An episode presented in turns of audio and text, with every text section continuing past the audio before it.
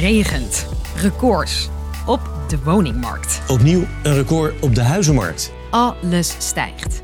De huizenprijzen, de tekorten, hoeveel je moet overbieden. En behalve de prijzen stijgt ook de frustratie van kopers.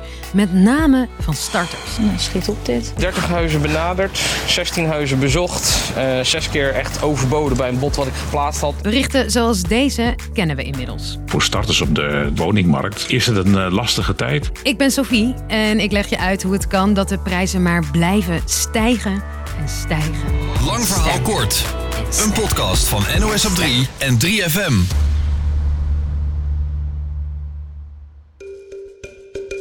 Welkom, kom binnen. In het nieuws. De oververhitte huizenmarkt heeft in juli weer een record gebroken. Een koophuis was die maand ruim 16% duurder dan een jaar eerder. Dat is de grootste prijsstijging sinds 2000. Kosten voor een huis? Inmiddels meer dan 4 ton. Huizen zijn dus hartstikke duur. Dat is voor geen enkele koper fijn, maar al helemaal lastig als je nog geen huis hebt, zegt hoofdeconoom van het CBS, Peter Heijn van Mulligen. Als je al een huis hebt, eh, dan is het probleem toch minder groot. Want je betaalt misschien meer voor het huis dat je koopt. Maar aan de andere kant, het huis waar je nu in woont is ook in waarde gestegen. Dus dat eh, verdient nog wel weer een beetje terug. Maar ja, starters hebben dat niet en zijn dus een kwetsbare groep in de red race.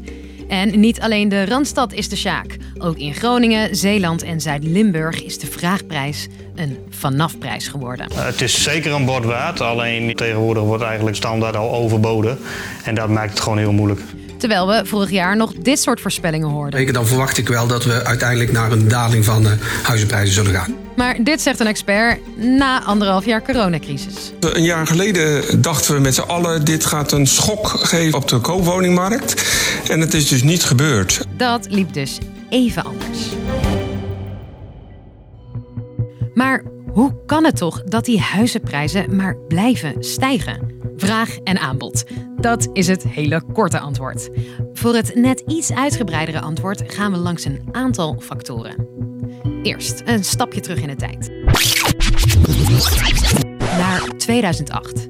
Tijdens de wereldwijde crisis ging het mis bij de banken, de euro en dus ook op de huizenmarkt.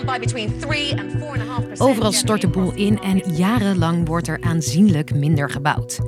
Tel daarbij op de stikstofcrisis met als gevolg minder bouwvergunningen en het tekort aan bouwvakkers en voilà.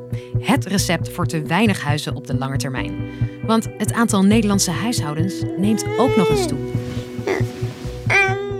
We wonen steeds vaker alleen in een huis. Dus voor hetzelfde aantal mensen zijn meer huizen nodig. Het aanbod is dus te laag voor de vraag. Maar wat maakt die vraag zo hoog? Dat komt door allerlei factoren en ik vertel je een paar van de belangrijkste. De markt is zo oververhit omdat het eigenlijk heel aantrekkelijk is om een huis te kopen. Zit zo. Wereldwijd is de rente laag. Geld lenen kost dus een stuk minder dan toen bijvoorbeeld je ouders een huis kochten. Huizenkopers kunnen dus voor een historisch lage rente kopen. Good for you als koper.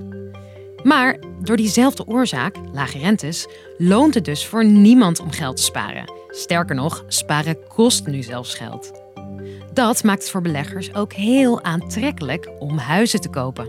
Van de woningen in de vier grote steden werd ruim een derde verkocht aan mensen die er zelf niet gingen wonen. Nog meer kopers op de markt dus. Van de 8 miljoen koopwoningen zijn er 700.000 in handen van investeerders. En uh, nog even over dat sparen. Ja, dat hebben we nogal gedaan afgelopen coronajaar.